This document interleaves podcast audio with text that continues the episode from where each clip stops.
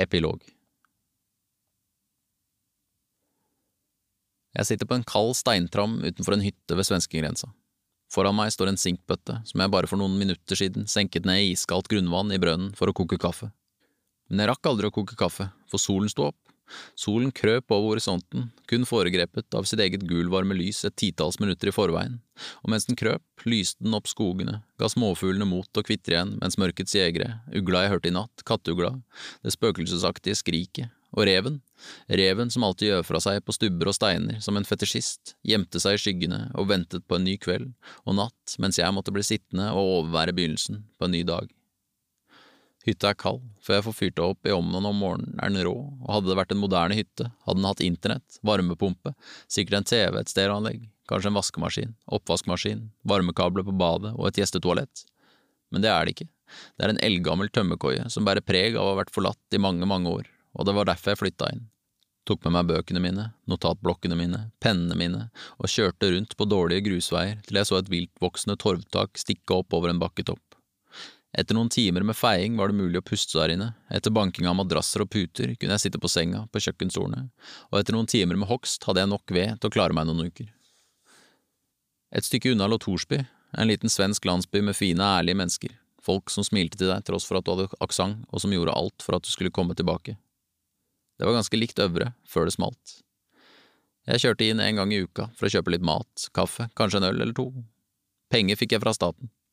Uføretrygd, posttraumatisk stresslidelse, gisseltatt av terrorist.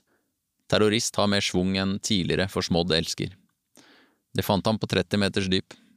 Selvforsvar, hevdet jeg, og ingen betvilte det. Overvåkningsvideoer etterlot ingen tvil om hvem som var gjerningsmannen. Finn fant de aldri. Jeg laget mat til Silje, vasket og ryddet. Hun satt i sofakroken, av og til sint, oftest bare stille. Hun kom seg litt etter hvert, pakket ut av huset, jeg hjalp henne med å selge, og hun flyttet til moren i Trondheim for å få hjelp til å komme seg på beina igjen, hjelp med barnet. Skriv da, sa hun, vi visste begge at det ikke kom til å skje. Når sola når sitt høyeste punkt, har jeg sittet på trammen i flere timer. Et ekorn jeg har sett mange ganger, som jeg tror kjenner meg igjen, våger seg ut av skogen og ut på plassen foran hytta, ser på meg et øyeblikk før det spretter tilbake til bark og barnåler. Alt er harmløst her.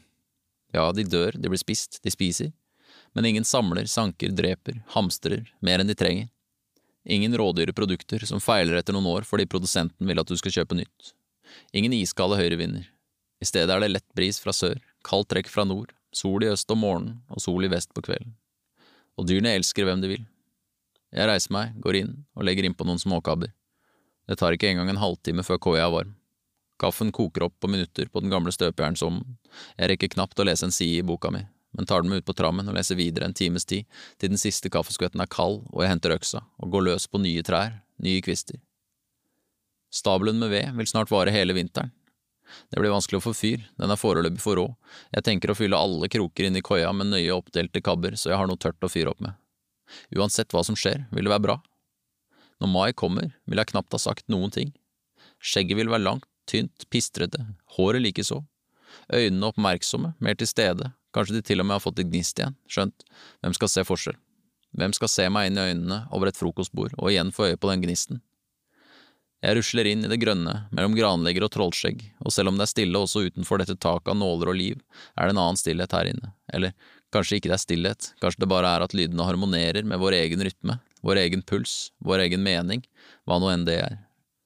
Jeg har satt opp snarer noen hundre meter fra koia, og i morges fikk jeg det for meg at ekornet hadde gått i fella, og at jeg måtte avlive det. Det hadde jeg ikke klart. Jeg er ferdig med drap. Heldigvis er det ikke ekorn der, ingenting faktisk. Jeg tar fella helt ned, kveiler sammen snøret og putter det i lomma mens jeg ser at skumringen kommer, og med den uglene, reven og stjernene.